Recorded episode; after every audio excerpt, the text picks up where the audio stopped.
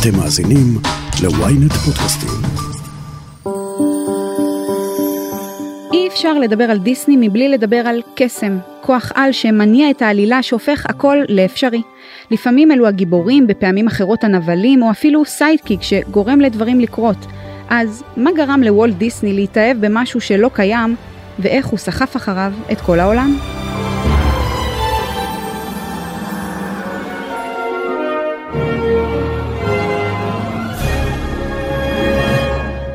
האורח שלי היום הוא אסי גל, חוקר תרבות. היי אסי. אהלן. איזה כיף לארח אותך שוב באבק פיות, אחרי שכיכבת ככה בעונה הקודמת, אתה פה שוב איתנו, איזה כיף.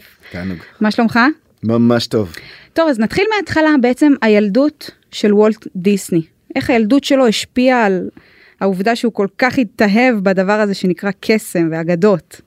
אה, אני חושב שאולי רגע לפני נבהיר שה, שהמונח הזה קסם זה זה נהיה ממש אה, שם נרדף לדיסני. אתה לא יכול לכתוב דיסני למצוא כל דבר על דיסני בלי שהמילה magic תופיע. נכון. הם, הם the magical company, the magical world, the, The magic kingdom. magic kingdom בדיסני וורלד. הלוגו שגם אם את, הוא לא אומר קסם אבל ברגע שזה מופיע התחושה הראשונית היא magical. זאת אומרת האיש הזה יצר תחושה שהוא יוצר את העולמות הכי קסומים שאפשר. ולכן המילה הזאת קסם כל כך משמעותית לנו. והתחושה הראשונית היא שוולט היה אדם שכילד גדל ללא קסם. גדל ב- בעולם אה, אה, ש- שצריך כסף וצריך לעבוד קשה. הוא עבר בגיל 10 מ- מעיר שבה הוא עוד צייר ויצר את הסרטונים שלו אה, ל- לחווה, לעבודה קשה. לאבא שאומר לו תפסיק עם הציורים שלך. נכון, היה לו אבא קשה. תיקח עבודה רצינית. ובתוך כל העולם הזה הוא המשיך לצייר זאת אומרת באיזשהו מקום הציורים שכבר מראש ציור זה קסם. אתה יכול בציור לעשות דברים שלא קיימים בעולם. ברגע שאתה גם הופך ציור למשהו מונפש, למשהו שזז, זה קסם בפני עצמו, אם אנחנו מדברים אז אה, במאה הקודמת. ומראש וולט בחר מראש בחיות מדברות מאוד מהר עוד לפני מיקי מאוס אה, היה אה, ארנב שהוא צייר זאת אומרת הבחירה שלו מראש היא בעולם קסום בו חיות מדברות חיות אה, זזות חיות נאות כמו בני אדם. זה מראש יוצר עולם מאוד מאוד קסום שהוא היה הבריחה שלו. מראש הוא היה מצייר חיות קטנות עושות דברים שונים. הוא לא צייר אה, איש קורא עיתון.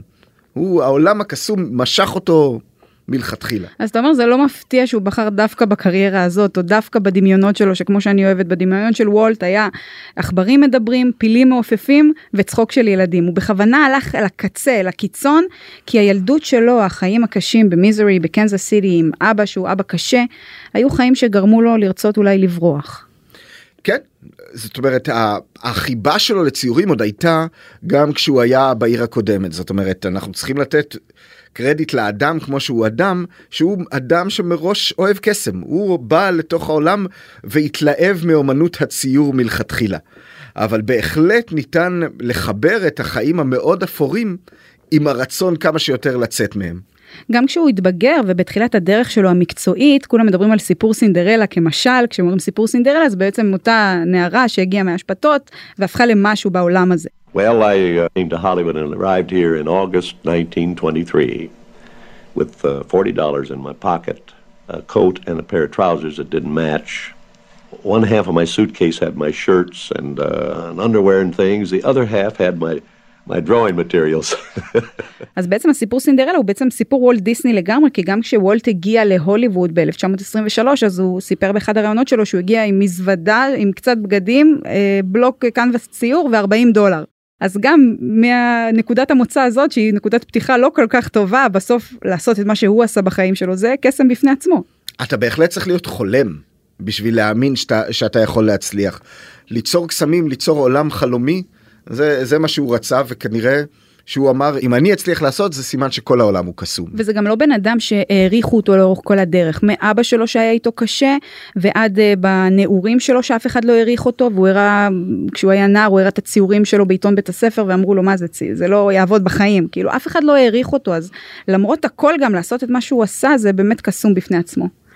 יש ממנו vibe גם כל הזמן כשקוראים עליו או כששומעים אותו אין רגע שהוא אומר, ואז זנחתי הכל למשך שש שנים. היה לו קשיים בחברה, אה, אנשים שהוא היה צריך להתמודד איתם, אבל הוא מבחינתו, החלום היה פשוט חלק ממנו. הוא אדם...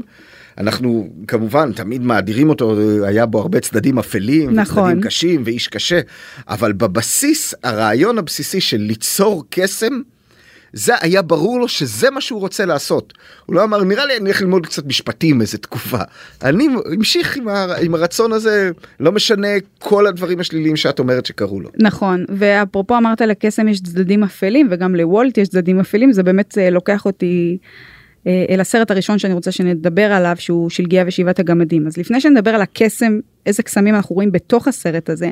גם התהליך, העבודה על הסרט הזה הייתה קסם בפני עצמו, בגלל שאז, כמו שאמרת, וולט היה נתון בקשיים כלכליים מאוד מאוד גדולים, ואז כשהוא חלם לעשות את שלגיה ושבעת הגמדים, הוא לקח הלוואה מאוד מאוד גדולה, מנהל הבנק שלו היה מתקשר אליו, לא ישן בלילות, היה אומר לו, תקשיב, יש פה משהו שאנחנו לוקחים פה ריזיקה אדירה, כלומר זה סיכון מאוד מאוד גדול, ווולט היה בשלו, ולקח באמת את כל הכסף שהיה לו אז והשקיע אה, באותו סרט ראשון באורך מלא צבעוני, שנקרא שלגיה ושבעת הגמדים, וכמובן ש... הסרט הזה הפך להיות הסרט שמזוהה עם תחילת אה, אה, מפעל האנימציה שוולט הקים. אז בוא נדבר באמת על התקופה הקלאסית ועל הקסם, הקסם שלה, יש פה קסם רשע, קסם אפל. קסם אפל כן, אבל קסם אפל זה מה שהמכשפה עושה עם התפוח נגיד. Mm-hmm. אבל שמה הדבר הראשון שמופיע זה חפץ קסום. Slave in the magic mirror, come from the farther space. Through wind and darkness I summon thee. Speak. זאת אומרת, הדבר, הדרך הראשונה שאנחנו יודעים שהאימא היא קוסמת, אה, היא דרך המראה הזאת. נכון. אה, המראה, שכולנו רגילים לצטט אותה בתור mirror mirror on the wall, who's the fairest of them all, בסרט המשפט הוא magic mirror on the wall, who's the fairest of them all. magic mirror on the wall, who is the fairest one of all. אמרת מג'יק ותפסת אותי. כן, הוא ישר, דיסני ממש רוצה להגיד, תראו, יש פה קסם. הוא לא פונה למראה כמראה רגילה, אני מבהיר לכם, יש פה קסם. Uh, יש uh, סרטון מאוד יפה של סקרין uh, פריזם, שהם מדברים על הכוח של החפצים הקסומים, והם אומרים שהמטרה של המראה שם היא להגיד בעצם כשהיא אומרת Snow White is fairer than you, הם לא מתכוונים היא רק יפה חיצונית, היא יפה ממך פנימית. וזה רעיון שחוזר בהמון סרטים של דיסני על הכוח הפנימי, אה, ג'יני אה, הוא בתוך המנורה ואתה צריך לשפשף אותה ולראות מה בפנים. זאת אומרת, הכוח הפנימי. משהו שמאוד, בסופו של דבר דיסני, הסרטים, עם כמה שכולנו ראינו אותם ואוהבים אותם, הם סרטי ילדים. וילדים רואים את העולם בתור משהו קסום.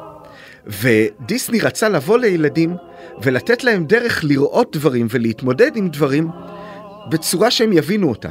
והרבה יותר קל לילדים, עם כמה שזה נשמע לא הגיוני, כי העולם הוא העולם, להתמודד עם משהו שהוא קסום, משהו קסום שאומר, אני רואה דברים בצורה אחרת. אני, אני רואה את שלגיה והיא יותר יפה ממך. ו- ואז הילד רואה את זה ואומר, אם המראה אומרת את זה, אז יש פה כוח. משהו קסום אומר את זה, משהו מוביל את זה. ואכן כל הבחירה, בסופו של דבר, של שלגיה, שאתה אומר, עם כל הדברים שהוא יוכל ללכת עליהם, זה סרט שיש בו המון חיבור לילדים. הגמדים הם כאלה מקסימים, והם עוזרים לה, וזה כוח, ואתה כילד לאו דווקא מפריד בין הם מבוגרים קטנים לבין האם הם ילדים עם כוח. מאיפה מגיע הכוח? מה הכוח של, של אה, אישה שהיא פשוט uh, טובה? היא חמודה, כולם אוהבים אותה, וזה כל מה שאתה צריך, זה המסר שלו בסופו של דבר. תהיה מקסים, תאהב, ושם יגיע הכוח. וה, והכוח מגיע מחפץ קסום שמתחיל בהתחלה ואומר, תדעו, הדמות הזאת היא הגיבורה, כי היא יפה מבפנים. היא ממש יפה מבפנים. גם ברגע שהמכשפה שואלת את המראה מי הכי יפה, אז uh, אנחנו כצופים, בטח כילדים, מה מסיקים? שהמראה בעצם זה חפץ קסום שאומר אמת. כן. שאומר את האמת, כלומר לא משנה מה תשאל אותו, הוא יגיד את האמת, כי הרי המכשפה, כמה שהאם החורגת, כמה שהוא כביכול לאותו חפץ קסום עובד אצלה, אותה ישות בתוך המראה, הוא לא יכול לשקר לה, סורי, זאת האמת. נכון. אז זה גם איזשהו מונח שילדים כשהם צופים בזה הם אומרים אוקיי. כן, קסם זה אמת, קסם זה, זה משהו גדול מאיתנו. אה, אני רוצה לומר עוד משהו על שלגיה, בשלגיה מופיע גם כוח הקסם המשמעותי ביותר של דיסני. יש המון חפצים, קוסמים עם כוח, אה, קוסמים רעים, קוסמים טובים, אבל הכוח האמיתי הכי קסום והכי חזק תמיד הוא אהבה. האהבה עושה דברים קסומים, זאת אומרת, אה, עזבי את הדברים הקטנים, הצייד מציל את שלגיה מתוך אהבה, אבל בסופו של דבר שלגיה ניצלת. לפחות לפי התקופה ההיא, מכוח האהבה. נכון. זה שהיום זה נראה פרוורטי מוחלט שנסיך מנשק גופה. כן. שאין לה מושג מי הוא, כן? היא כן. ראתה אותו אולי פעם, פעמיים, אבל זה לא מספיק. זה מספיק. וגם שם הם מתחילים, לא רק שהאהבה החייתה אותם, זה מסתיים בקסם. And they lived happily ever after. זה מה שנשאר תמיד, זה מה שכולנו מכירים, שזה קסם, אין דבר כזה. אף אחד לא lives happily ever after. ברור, ולא אפלי ולא עד אין סוף, כלומר עד עצם היום הזה. וגם צריך להגיד את זה, כל הסיפורים האלה בסוף נגמרים כאילו בח- בחתונה. מה קורה אחרי, כן, מה קורה כן, אחרי כן. החתונה, זה אין- אף אחד לא רוצה לדעת. כן, אין את ה... אין את ה... את שלגיה כועסת שהוא לא הוציא את הזבל והוא כן. מנסה לנשק אותה שוב. אולי זה יעזור והיא עוד אומרת לו, פעם. זה לא יעבוד, נשמה, זה פעם אחת. אני הולכת לישון צהריים, חסר לך אם אתה מנשק אותי. אשכרה, כן, אתה מגיע לתקופה כזאת בנישואים שאף אחד לא מעיר אותך בנשיקה. זה לא חמוד יותר. כן, זה אבל, לא. אבל בעצם המשפט הזה שאותו אנחנו מכירים, זה כאילו once upon a time uh, in a country far far away, קסום. לא, לא קרוב אלינו ואז נגמר ב- they lived happily ever after ואתה יוצא בתחושה שיש קסם בעולם. שהחיים קסומים. כן. נכון. וכילד זה משהו שמאוד אתה מתחבר אליו, זה נפלא, ככה הכל נראה, וכמבוגר זה משהו שאתה רוצה להאמין בו. זה לא רק היה בשלגיה, כן? כמעט בכל הסרטים, סרטי הנסיכות, בטח בתקופה הקלאסית שאנחנו מדברים על שלגיה וסינדרלה ואורורה, תמיד יש שם את קסם האהבה, גם ביפיפייה הנרדמת הוא מעיר אותה בזכות נשיקת אהבה אמיתית, ובסינדרלה זה אותה גברת בשינוי אדרת. כן. שגם שם יש הרבה מאוד קסם, כלומר אם לא האפייה הסנדקית הייתה באה ונותנת לה את השמלה ונותנת לה את הכרכרה והופכת את כל החיים של העלובים האלה לחיים של אה, נסיכה לערב אחד, הנסיך לא היה מבחין בה. הסקרין פריזם הזה הם גם מדברים למשל על קסם בקטנות שאנחנו לא שמים אליו לב מרוב שיש קסם בגדול למשל בסינדרלה. הנעליים הם נעלי זכוכית. נכון. עכשיו אנחנו יכולים לצחוק מזה ואיזה שטות זה אבל כשהוא יצר את הסרט הוא, חש... הוא רצה ליצור קסם אפילו בזה זאת אומרת השמלה שלה היא מאור כוכבים והנעליים הם לא יכולות להיות נעלי, נעליים אה, יפהפיות שעשויות מחומר שהוא מכיר לא. הכל צריך להיות קסום אין שום היגיון בעולם שהיא תלבש נעליים מזכוכית. ברור שלא, יש וגם- חומר מטופש לנעליים. זה זכוכית. אבל וגם תחשוב שבחצות הכל נעלם, כן. הכרכרה, חוץ מהנעליים, חוץ מהנעל. הנעל האחת, כן. כן. שכמובן יש על זה המון בדיחות, כמה הוא מאוהב בה ובכל זאת לא, לא זוכר איך היא נראת. נכון, לא זוכר. נראית. אבל כן, אבל הקסם מבחינת דיסני הוא החל מהפרטים הכי קטנים. חשוב לו שברגע שנוצר הקסם, הקסם יכיל אותך באופן מוחלט. כן, וזה גם uh, האופן שבו הוא עשה את זה כשהוא שילב חיות מדברות וחיות שמסייעות, גם בתקופה הקלאסית וגם נדבר על זה uh, בהמשך עוד מעט, אז גם זה קסם שהוא, כשאתה צופה היום בסרטים של דיסני ואתה רואה את זה, זה אפילו נראה לך כמו חלק אינטגרלי בעלילה כן. ומאוד מאוד הגיוני, כן, כן. כי מגיל קטן לימדו אותנו שאם חיה מדברת זה לגמרי אפשרי. שזה תמיד מוזר אגב ב- ב- במיקי מאוס. שהוא בוחר שיש שם חיה אחת שהיא לא מדברת. זאת אומרת, בשביל ליצור את התחושה הכל כך קסומה הזאת של חיות, חיות כמו בני אדם, הוא אמר לעצמו, חייב שיהיה לה חיית מחמד. כמו בני אדם. ואז זה עוד יותר מחזק אצלך דווקא את מה שאת אומרת. את ה... אני אפילו לא שם לב שזה עכבר מדבר. הרי יש לו כלב. אז הוא לגמרי כמונו. נכון. אני, חוש... אני בתור ילדה גם אה, הייתי מדברת עם. עם הכלב שלי, כאילו כן. הוא מבין אותי.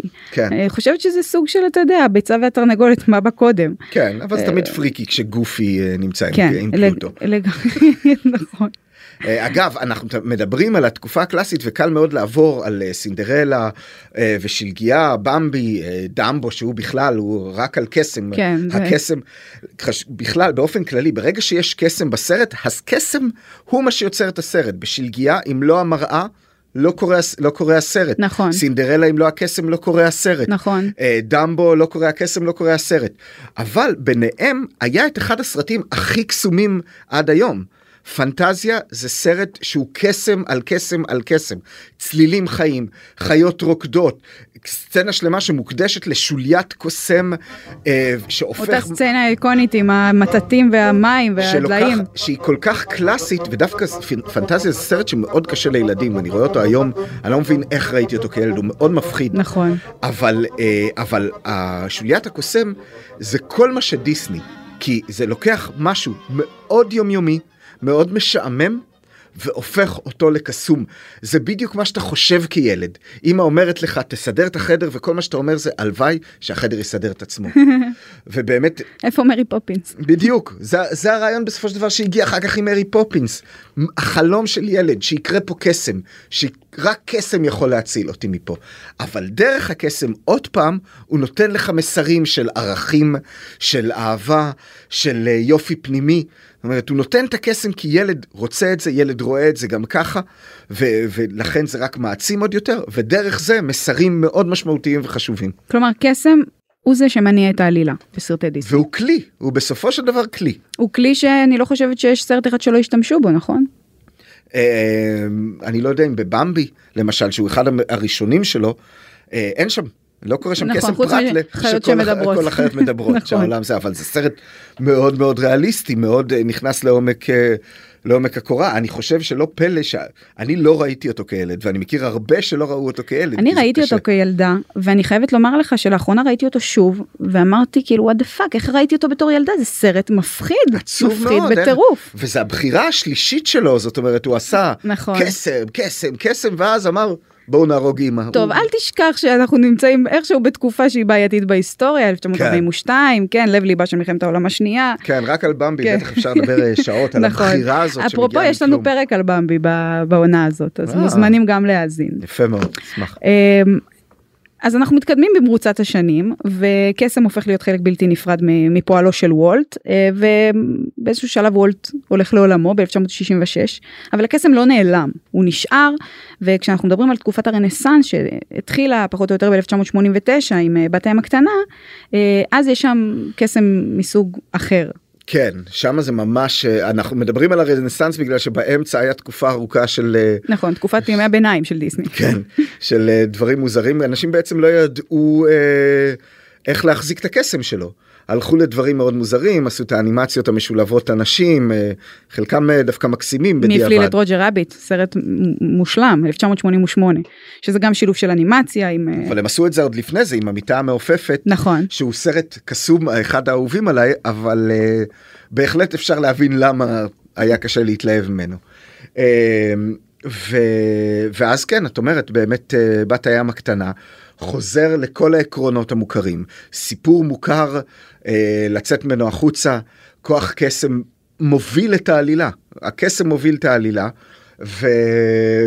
וגם עושה עצוב בסופו של דבר. ברור גם אורסולה שכמובן יש לה את הקסם האפל והחזק שלה היא אמנם במעמקים כן מידרו אותה מכל הטריטון וחבריו ואותה משפחה אבל אה, הקסם שלה הוא מאוד מאוד חזק היא יכולה להשפיע על הקסם שלה גם מחוץ למים כלומר היא כן מצליחה כן. לשתות ב, אה, באריאל אה, למרות שאני מאוד אוהבת את אורסולה כי הכל חתום שם ב, במסמכים היא כאילו מחתימה אותה תהיי שלי אם את לא תעשי את מה שאני אומרת. You see? The contract's legal, binding, and completely unbreakable. Even for you. אבל מבחינת עלילת הסרט מאוד דומה לשלגיה. זאת אומרת מכשפה, אה, רואה הזדמנות, אה, נותנת משהו שבעצם כי, כי זה יעזור לה. נכון היא גם אה, רוצה אהבה היא רוצה יופי היא רוצה נעורים. הקסם מוביל את כל העלילה אה, ובסוף האהבה מנצחת. האהבה היא הקסם העליון, האהבה נותנת את הכוח. תסתכלו פנימה, מה שחשוב הוא הבפנים, זאת אומרת זה לא חשוב. היא, לקחו את זה אפילו עוד יותר רחוק, כי אריאל חייבת שהוא יכיר אותה רק את הבפנים שלה בסופו של נכון דבר. היא לא יכולה לדבר. אז, אה, אז הוא חייב להכיר רק את הבפנים שלה, אבל עוד יותר מזה אומרים, לא חשוב בכלל מי את. לא חשוב לו אם יש לך רגליים או אם את אה, בת ים קטנה, הוא יכול להתאהב בך בכל מקרה. למרות שהיה לו קשה, כן? היה לו קשה להתאהב באריאל בשלושה ימים האלה שהיא הייתה במבחן, היה לו מאוד מאוד קשה, שזה גם כאילו סוג של אומר דרשני, מה אתם בעצם אומרים פה? קודם כל אפשר לקחת את זה גם לקטע החיובי של להגיד היופי שלך לא מספיק, את צריכה גם לדבר, את צריכה להיות כן. מישהי בעולם הזה. אה, זה נכון. אה, עוד סרטים שאפשר לראות את זה ברנסאנס, זה לדוגמה כמעט בכל סרט, כן, אבל אנחנו יכולים לראות גם קסמים שאיכשהו משולבים גם בענייני אה, דתות או אמונות מסוימות, למשל אם ניקח את פוקהונטס ואת סבתא רבא, שהיא פשוט יוצאת מהעץ שלה ומדברת איתה על החיים ומנווטת אותה לדרכים שלה ובסוף גם לג'ון סמית, ואנחנו יכולים לראות את זה גם במולן לצורך העניין, עם מושו והאלים הקדמוניים שממש, הקסם הוא אה, שזור בתוך החיים עצמם, אז בסין העתיקה או אפילו בעולם החדש. כן, כן. המדהים הוא בסופו של דבר ברנ... בכל הרנסאנס הזה באמת הסרטים הפכו להיות יותר מורכבים. זאת אומרת שלגיה זה סרט מאוד פשוט. וסינדרלה זה סרט מאוד פשוט, זה סיפור שאת יכולה לספר בכמה דקות. הוא כן נכנס, וכמו שאת אומרת, גם עם אריאל בבת הים הקטנה, כן רצו לעשות את זה יותר. זאת אומרת, כן נכנסה תקופה שאומרת, אה, היום כבר יש עומק לסרטים, זה שנות ה-80, כבר יש יותר רבדים, מה זה אישה, מה זה גבר, מה, מה הכוח, הדברים אה, באים אה, אחרת, ו, והם הכניסו את זה גם לסרטים, אי אפשר היה יותר... אה, להתעלם. אה, קסם והכל נפתר. נכון. אה, עדיין האדם הוא אדם, ועדיין האדם צריך להתגבר על דברים. ובגלל זה בסופו של דבר אני מנסה לחשוב מכולם מה הדברים שהכי תפסו ילדים בתקופה הזאת. אז בת הים הקטנה כי, אה, כי היה חמוד, אבל פוקהונטס היה כבר יותר קשה לאנשים. מורכב. מולן היה הרבה יותר מורכב. נכון. זה סרטים, זה לא... שלגיה יכולת להיות בן שש ולאהוב. נכון. מולן זה קצת קשה יותר. אפרופו כל העניין הזה של אה, כישופים ודתות וזה, אז יש גם את אלאדין, ומה שאתה אומר בעצם באמת גורם לי לחשוב שזה נכון, כלומר נשיקת אהבה אמיתית היא לא מספקת יותר, היא לא מספיקה כדי לפתור את הדברים. אתה צריך להביא ערך מוסף, אתה צריך להביא עומק. אפרופו באלאדין למשל, הוא נעזר בג'יני כדי לנסות לכבוש את ליבה של יסמין בתור אה, נסיך עלי אבבואה, והוא ניסה והוא שפך כסף והגיע אליה עם הארמון והגיע אליה לפיל הענק הזה וזה לא עבד עליה. הג'יני אומר לו גם, נכון. אני לא יכול לגרום לאף אחד להתאהב. להתאהב. Uh, rule number one, I can't kill anybody. Yeah, so don't ask. Uh, rule number two, I can't make anybody fall in love with anybody else. You little punum there. Rule number three, I can't. זאת אומרת, אהבה היא קסם יותר גדול מהיצור בעל כוח הקסם הכי גדול. אתה יודע מה, ממש המשפט הזה שאמרת עכשיו באמת מסכם את החלק הזה שדיברנו על זה, כי זה באמת נכון, אני לא יכול לגרום לאף אחד להתאהב. כלומר, זה, זה כבר לא התקופה של, אה, של הנסיכות הקלאסיות. בעיניי אגב, אנחנו לא באל- שם. בעיניי אגב, באלאדין, האהבה שפותרת את הסיפור, זה לא אהבה זוגית, כמו בהרבה סרטים. זה אהבה חברית, אהבה לאדם. האהבה שלו לג'יני נותנת כוח אחר.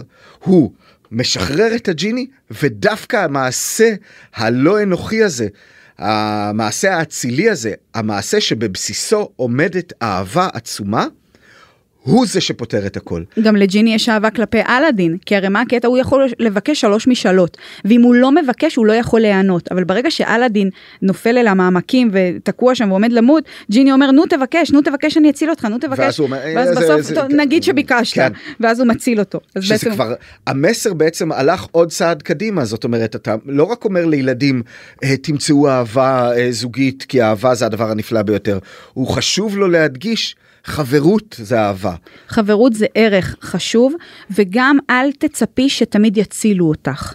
את יכולה גם להציל את עצמך, ולא רק את עצמך, את יכולה להציל גם את אהובך, את יכולה להציל את עמך. פוקהונטס עושה את זה, מולן עושה את זה, אריאל עושה את זה, כולן מצילות את הגברים שלהן, גם אריאל וגם פוקהונטס וגם מולן, כולן מצילות אותה, וגם יסמין מצילה את הילדים באיזשהו זה.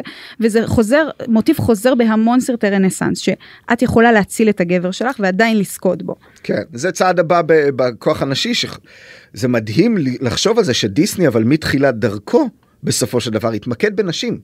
הסרטים שלו התמקדו בנשים. הם, גם אם קל לנו, תמיד זה מעצבן, בסוף הנסיך מציל אותה. שלגיה, זרקו אותה ליער והסתדרה עם שבעה גמדים, נכון. גרמה להם לאהוב אותם, להיות משפחה, היא יצרה שם, הכוח שלה, אה, שדיסני בא להגיד מההתחלה, בבחירה שלו, זה לא רק בנים חזקים, גם לבנות, הוא בא מראש לאוכלוסיות הכי חלשות והכי פוחדות ואומר להם, אני רוצה שאתן תסתכלו על משהו, אני רוצה שאתן תדעו משהו על עצמכם. זה מדהים לחשוב ב-1936 בן אדם יצר סרט שמבחינתו הגיבורה המשמעותית היא אישה. נכון. כשהוא, כשהוא הפסיק לעשות את זה, או כשחברת וולט דיסני הפסיקה לעשות את זה בשנות ה-50, לא 50, נגיד 60, 70, 80, זה לא עבד. רק בתקופת הרנסאנס הם החזירו את, ה, את האישה למרכז, את סרטי הנסיכות. כלומר, בתקופ, בתקופת החושך של דיסני, משהו שם לא כן. עבד כנראה. אולי בגלל זה אני כילד אבל אה, הכי התחברתי לאלאדין. כי זה חזר להיות גיבור בן, אז היה אה. לי סוף סוף גיבור בן, אבל זה גם היה קורה אבל. סיפור אהבה. לא, אלאדין הוא אחד הסרטים הגאוניים כן, כן, שנעשו אין מה להגיד ever. שזה רובין וויליאמס, כן. וטוב, באמת אין מה להגיד, במיוחד לא למאזינים שלנו. אבל תמיד אם אפשר לפרגן לרובין וויליאמס, עליו השלום. כדאי, כדאי. כן, הבחור זה. היה גאון. אז בשנות ה-90, 80, 90 כזה, הורגלנו לקסם טוב וקסם רע, אפל, קודר. ובשנות ה-2000 קורה משהו אחר. כלומר, אנחנו נחשפים לקסם שיכול להיות באותו אדם, אבל גם להיות טוב וגם להיות לא טוב. ואני כמובן מדברת על פרוזן אה, ואלזה, שיש לה כוחות שיכולים להיות הרסניים, והיא בעצמה לא יודעת איך להתמודד איתם, מול אותו כוח בדיוק שיכול לעשות כל כך טוב. ולשים את זה אצל הגיבורה, זה משהו שלא עוד לא עשו בדיסני. What did I ever do to you? Enough, Anna. No, why? Why do you shut me out? What? Why do you shut the world out? What are you so afraid of? I said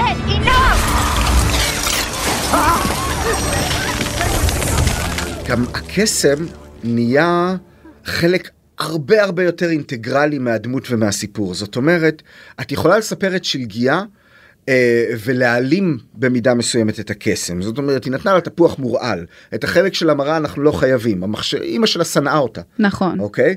היא גם בתוך תוכה ידעה שהיא יותר יפה ממנה.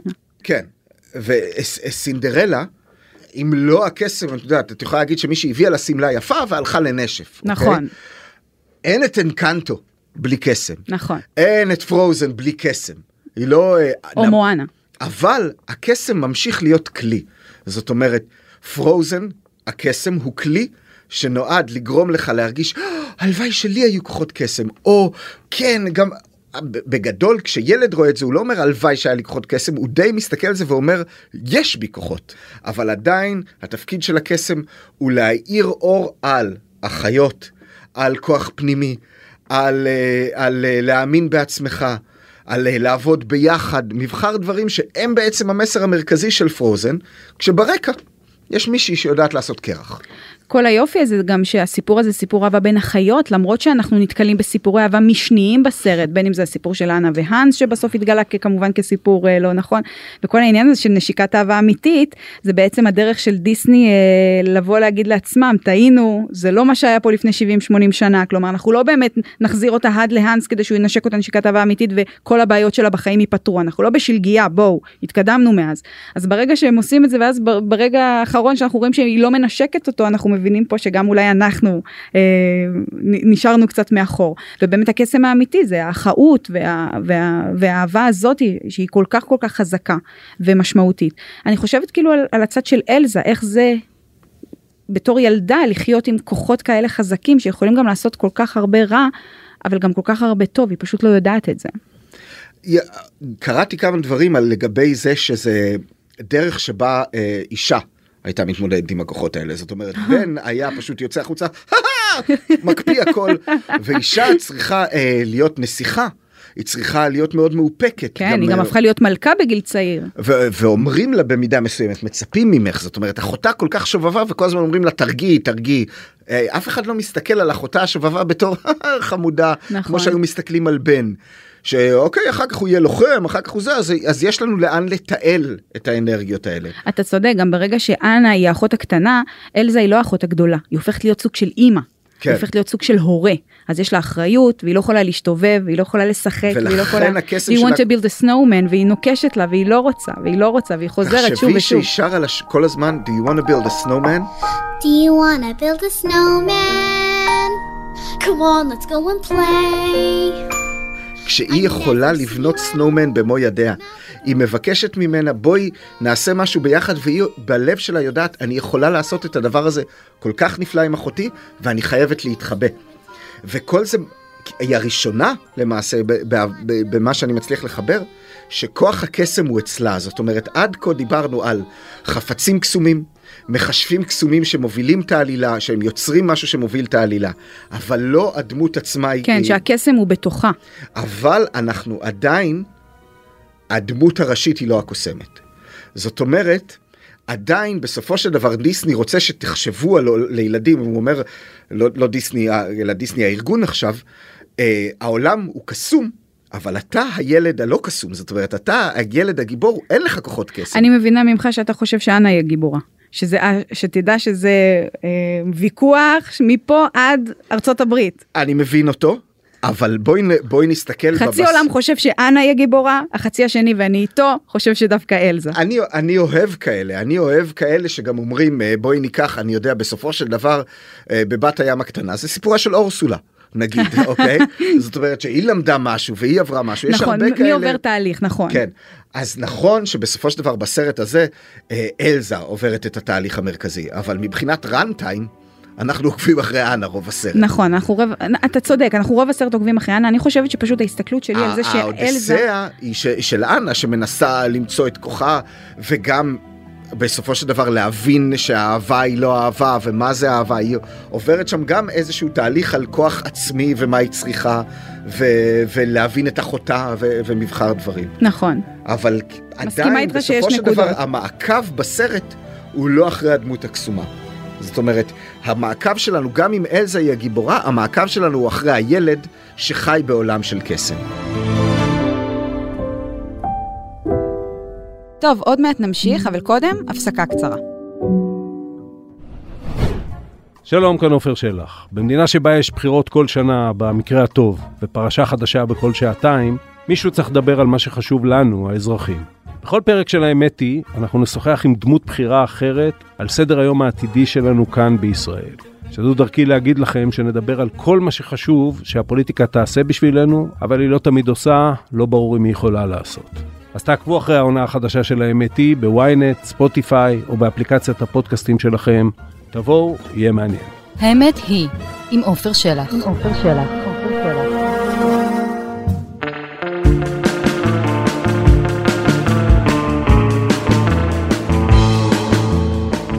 how many times you save the world, it always manages to get back in jeopardy again. I mean, sometimes I just want it to stay saved, you know, for a little bit. I feel like the maid. I just cleaned up this mess. Keep it clean for, for 10 minutes. בוא נדבר קצת על משפחת גיבורי על. ששם בעצם הם אמרו, אנחנו נוטשים את המילה קסם. בגלל שזה אחד הסרטים האהובים עליך, תקן אותי אם אני כן, טועה, כן. אז יאללה, בוא ננבור בו קצת. קסם יש שם. יש שם קסם, הם גם בעצם איזה מין איזשהו אה, הבנה של דיסני על ההתלהבות של העולם מסרטי גיבורי על. ו, ויכולת לעשות זה כמו שדיסני יודעים הכי טוב שאפשר. נכון זה גם לא רק סרט גיבורי על, זה סרט גיבורי על משפחתי, כלומר זה על משפחה. אני אומר, קודם כל רצנו קדימה, דילגנו על העובדה שאנחנו עכשיו בתקופת פיקסאר. פיקסאר לקחו את העולם הקסום של חיות מדברות ולקחו אותו לאבסורד האפילו עוד יותר גדול. צעצועים מדברים. נכון. וזה, צעצוע, הם התחילו עם חרקים מדברים, ואז עברו לצעצועים מדברים, ובאמצע היה מכוניות מדברות. זאת אומרת, אם עד כה יכולת להגיד, טוב, אני גם מדבר עם הכלב שלי, כמו שאמרת, הכלב מדבר, העכבר יש לו רגשות. הם לקחו דברים שאתה לא יכול, אתה לא, כילד, רק כילד אתה מתייחס לזה ככה. כמבוגר אתה חייב לעבור את התהליך שאתה אומר, טוב, זה רק בובה, כן. הגיע הזמן לזרוק אותה, אוקיי? אבל כילד זה עולם שהוא כולו קסום בר... פיקסר לקחו את הקסם, את העולם הקסום, והפכו אותו, אין בסרטים שלהם קסם פר סי, זאת אומרת, וודי או באז לא פותרים משהו בעזרת כוח קסם. הם עצמם קסומים. נכון. ו- אבל ו- החיים שלהם הם מאוד ריאליסטיים. ריאליסטיים לגמרי, אבל פשוט העולם כל כך קסום, שכילד כיף לך לראות את זה. היי, באז! You're flying! This isn't flying, this is falling with style.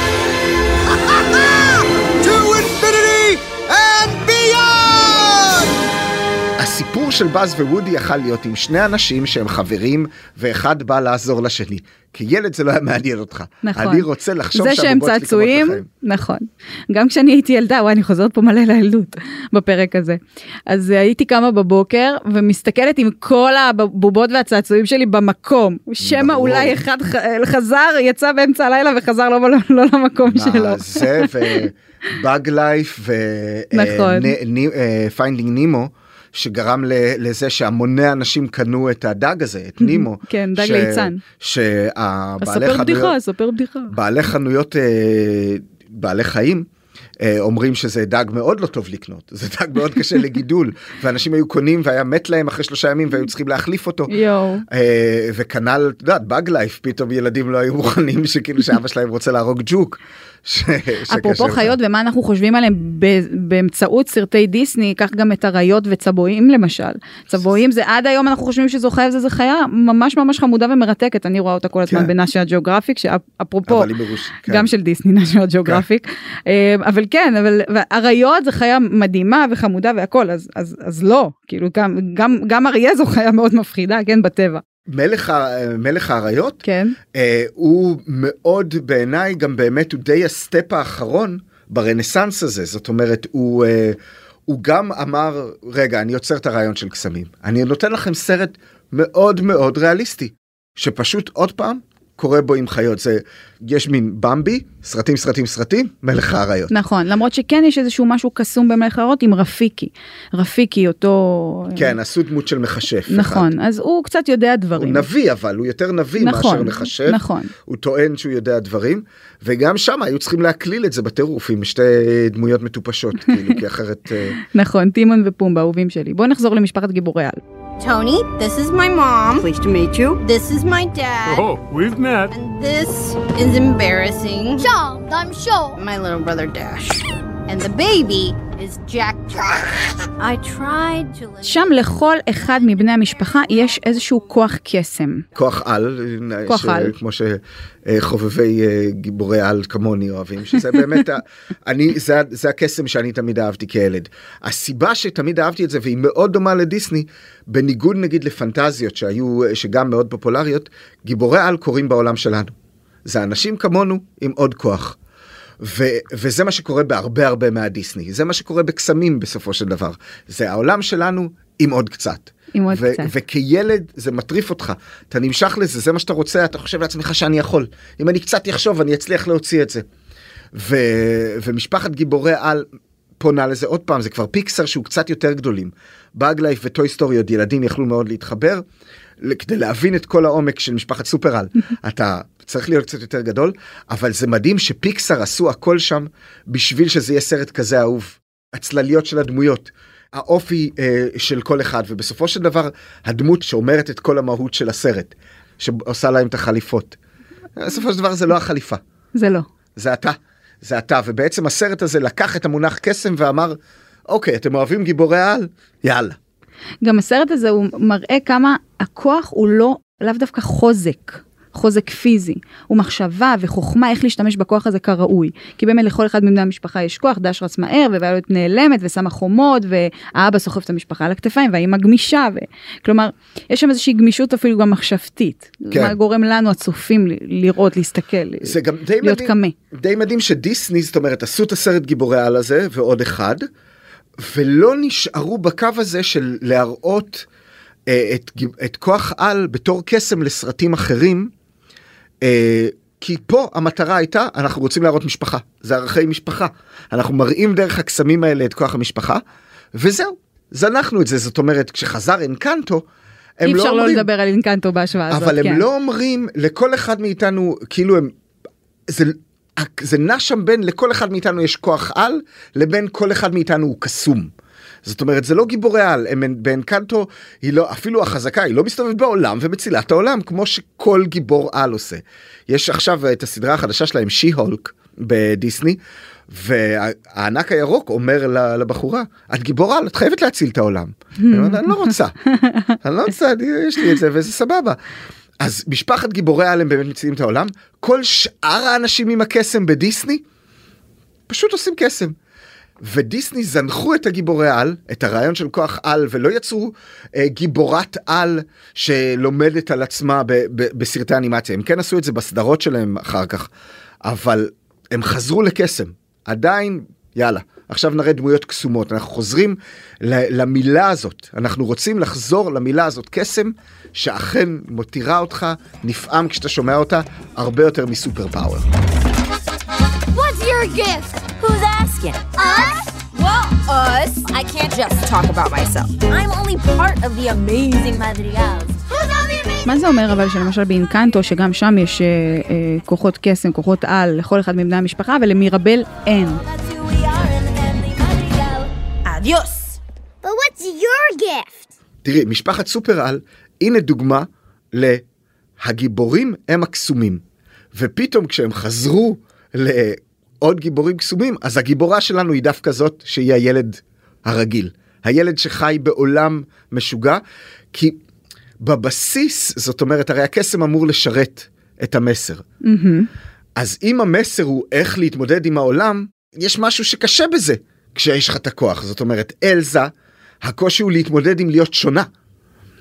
אז היא, הכוח של מירבל בסופו של דבר הוא איך להצליח, העולם הוא קסום ומלא בעיות ובכל זאת אנחנו אומרים לך, אתה הילד שאין לו כוחות, יש לך כוחות. אתה הקסם. אתה, וזה זה מדהים, זה- אנקנטו בעצם לוקח את כל המסרים של דיסני, את כל הדברים הקסומים ואת כל הדברים הנפלאים ואת כל הלהסתכל בפנים ולמצוא את הכוח וכל זה, ועשה אותם לסרט אחד.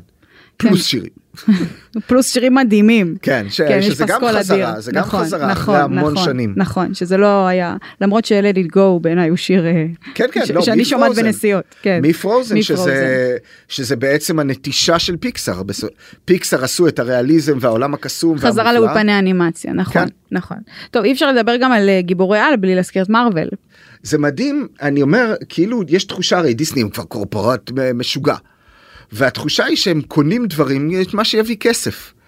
אבל אני מאמין שיש להם צורך שמה שהם לא מביאים יתאים להם, יתאים למותג.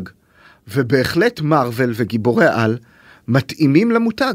זה עולם קסום. אבל זה מותג בפני עצמו, זה מותג, זה brand בתוך brand וזה עומד בפני עצמו, זה איזשהו יקום אבל שמחזיק. הרעיון הוא אותו דבר, זאת אומרת, בסופו של דבר, גם מי שקורא המון גיבורי על, עזבי את ה weird, את הדברים המוזרים, אבל כן. בבסיס, פיטר פארקר, ספיידרמן, הוא ילד תיכוניסט, שבנוסף לכל החרא של תיכוניסט שצריך להתמודד איתו, גם נוסף לו המוזרות. בעצם אפשר באותה מידה לראות את זה שהוא יורה אה, קורים ומטפס על קירות, כאילו יצאו לו חצ'קונים. איך אני עכשיו מתמודד עם זה שיש לי חצ'קונים וכולם מסתכלים עליי בבית ספר. וזה מופלא ובעיניי עוד דבר אה, בפעם קודמת שהייתי דיברנו על, אה, על האבהות שאין. ומארוול כל כך יושבים שם טוב. כמעט לכל הסופר גיבורים יש daddy issues. כן. עזבי סופרמן שהוא לא ממארוול שחי כאן ואבא שלו אה, מת בגיל מוקדם ספיידרמן ללא הורים אה, תור מנסה להרשים את אבא שלו אה, וכל הזמן רוצה להיות מלך זאת אומרת אבהות היא מאוד מהותית אם זה מצד אחד תמיד היה בדיסני נשים בתור הסיפור הגורם המשמעותי הוא אבא. הוא דווקא אבא. למרות שפשוט אני חושבת שבכלל לענקית האנימציה דיסני יש אישו עם הורים. כן או האימא לא נמצאת, או האבא לא נמצא, או מישהו שאמר- מת בגיל מוקדם. אמרנו את זה פעם קודמת שבסופו של דבר הם מאמינים שהרבה יותר קל להם לגרום לילדים להאמין בכוחם כשאין הורה שאומר לך מה לעשות. כן, קצת הרי- כמו דיסני בעצמו. כן, כנראה שכן. ואפרופו אתה אומר פעם קודמת פעם קודמת אז אני מזמינה אתכם אחרי שאתם מסיימים לי להאזין לפרק שלנו הנוכחי עם הסיגל על קסם בדיסני אה, ללכת אחורה לעונה השנייה אם במקרה פספסתם את הפרק שעשינו על אבהות פרק סופר מעניין.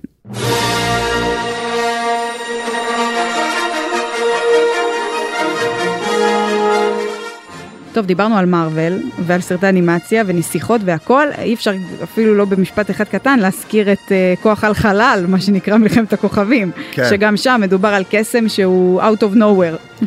שם זה עולם פנטזיה מוחלט זאת אומרת אה, אני במשך שנים לא חיבבתי את סטאר וורס והבנתי שאני לא אוהב את זה כי זה לא העולם שלנו. זה עולם פנטזיה. נכון זה, זה לגמרי פנטזיה, לא זה העולם שר שלנו. הטבעות בחלל. נכון. ושר הטבעות הרי זה כולו קסם. וגם שם בסופו של דבר כל הפורס הם נתנו לזה שמות אבל זה אנשים אתה יכול להגיד כוח על אבל זה מאוד דומה לרעיון של קסמים ב- הוא מושך, the force is with you, הוא נכון. מושך, הוא מושך אליו אה, את החרב מרחוק. כאילו גם בעולם כזה, שכשאתה רואה את העולם הזה בעולמות רחוקים אה, ואחרים, אתה אומר, יכול להיות שזה קיים אפילו, יכול להיות שזה אפשרי. כן. זה כל כך רחוק שיש מצב שזה באמת קיים, אנחנו כן, פשוט לא יודעים, מהדברים וגם נראה שלהם. גם לא נדע, לפחות אבל אני בואי לא אתה. נראה את, ה, את המסר הקבוע שחוזר ממה שאמרנו על שלגיה, אוקיי? למעשה מה שהוא אומר בהתחלה זה Snow White is fairer than you. הוא לא אומר היא הכי, זאת אומרת you are not the fairest in the kingdom, הוא אומר לה Snow White is fairer than you. וכשהוא אומר את עוד זה, יותר הוא, עוקץ. הוא כן מתייחס לזה שאת לא יפה מבפנים. אתה מסתכל על האנימציה וזה כמו שאמרת, אתה יכול להסתכל ולהגיד אבל המלכה יפהפייה, ואחר כך את יודעת, שיחקה אותה. כן. אנג'לינה ג'ולי, כן. לא, אנג'לינה ג'ולי זה ביפהפייה הנרדמת, נכון? נכון. אבל, אבל זה, זאת אומרת, אישה מאוד יפה את שיחקה אותה. מליפיסנט. כן. אתה יודע מי הולכת לשחק אותה? לדעתי, אם אני לא טועה, אם אני לא טועה, גל גדות. לשחק את?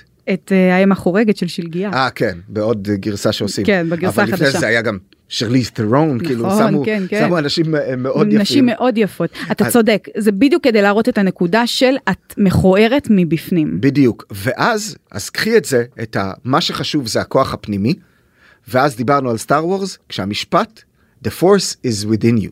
זאת אומרת, אתה, אתה גדל ואתה אומר לעצמך, "אה, אני לא יכול לעשות כלום, אני אלך להציל את העולם, ואז מישהו אומר לך, the force is within you.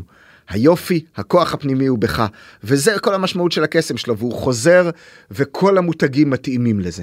תוך כדי שאנחנו עם הקסם, דיסני בעצם מעביר אותנו מסע, כי באופן מאוד מאוד פשוט דיסני יכול לגרום לדברים לקרות באמצעות קסם, אבל הוא בכל זאת רוצה כצופה להעביר אותך איזשהו מסע מסוים, כדי שאתה תלמד תוך כדי על התהליך הקסום הזה, וכמה שקסם הוא יכול לעשות הרבה מאוד, אבל, אבל גם הדמות וגם הצופה צריכים לעבור, צריכים לעבור תהליך. גם אף פעם קסם הוא לא מגיע כמו דאוס אקס מכינה, זאת אומרת, אף פעם לא, אולי אני מפספס כמה, אבל בגדול, ברוב הסרטים, זה לא נפתר באמצעות קסם, זה לא אה, אה, שלגיה מתה, אבל פתאום עוברת איזה פייה, עושה ככה, ושלגיה חיה ומוצאת לעצמה נסיך. כן. אמרנו, הקסם הנוסף שהוא מביא זה אהבה. והאהבה פותרת את, ה, את הכיעור. זאת אומרת, אתה יכול לומר שהנסיך שראה את שלגיה, ראה את כל כולה. ה- היופי הפנימי שלה גם הקרין החוצה, זאת אומרת, הוא התאהב בה ממש. עכשיו הוא נסיך, הוא ראה נשים יפות, הוא ראה נסיכות. משהו בשלגיה, מה שהמראה אמרה, הוא כל כך אמת. ולכן זה מדהים שהקסם הוא מוביל עלילה, הוא קטן, הוא ברקע הרבה פעמים, הוא קיים שם, אבל הוא לא יגרום לעלילה אה, להסתיים.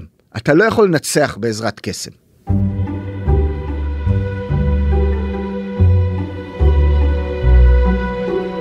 לסיום, אסי, החיים הם לא סרט של דיסני. אנחנו גדלים על המחשבה שאולי הכל ייפתר בזכות איזשהו משהו חיצוני, קסום, אחר, אלוהי תקרא לזה. אבל בסוף זה לא, אתה צריך לעבוד קשה בחיים. מה זה יכול לעשות לנו בתור צופים, ילדים? אני, אני אתעקש על המסר שדיסני מתעקש עליו, אהבה. בסופו של דבר, מה משמעות החיים? אנחנו עובדים קשה, ואנחנו רוצים להגיע להישגים, ואז אנחנו מתים, אז מה היה המשמעות של כל מה שעשינו? הכל חסר ערך. יש דבר אחד שהוא כוח, דבר אחד ששווה את הכל, וזה התחושה הנהדרת של אהבה. ולכן, לא משנה, ואתה עובד קשה ואתה מתאמץ, אבל אם יש לך אהבה לאנשים, אהבה לחברים, וכמו דיסני, אהבה למה שאתה עושה, זה שווה את הכל. זה יהפוך את החיים שלך לסרט של דיסני.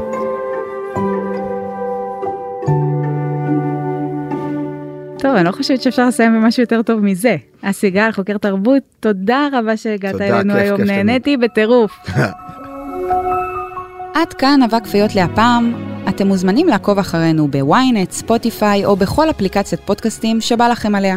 דרגו אותנו גבוה גבוה ב Apple Podcast ותשלחו את הפרק לחברים. תודה לעורך הפודקאסטים שלנו רון טוביה, על הסאונד גיא סלם, אני משי היד. נשתמע בפרק הבא.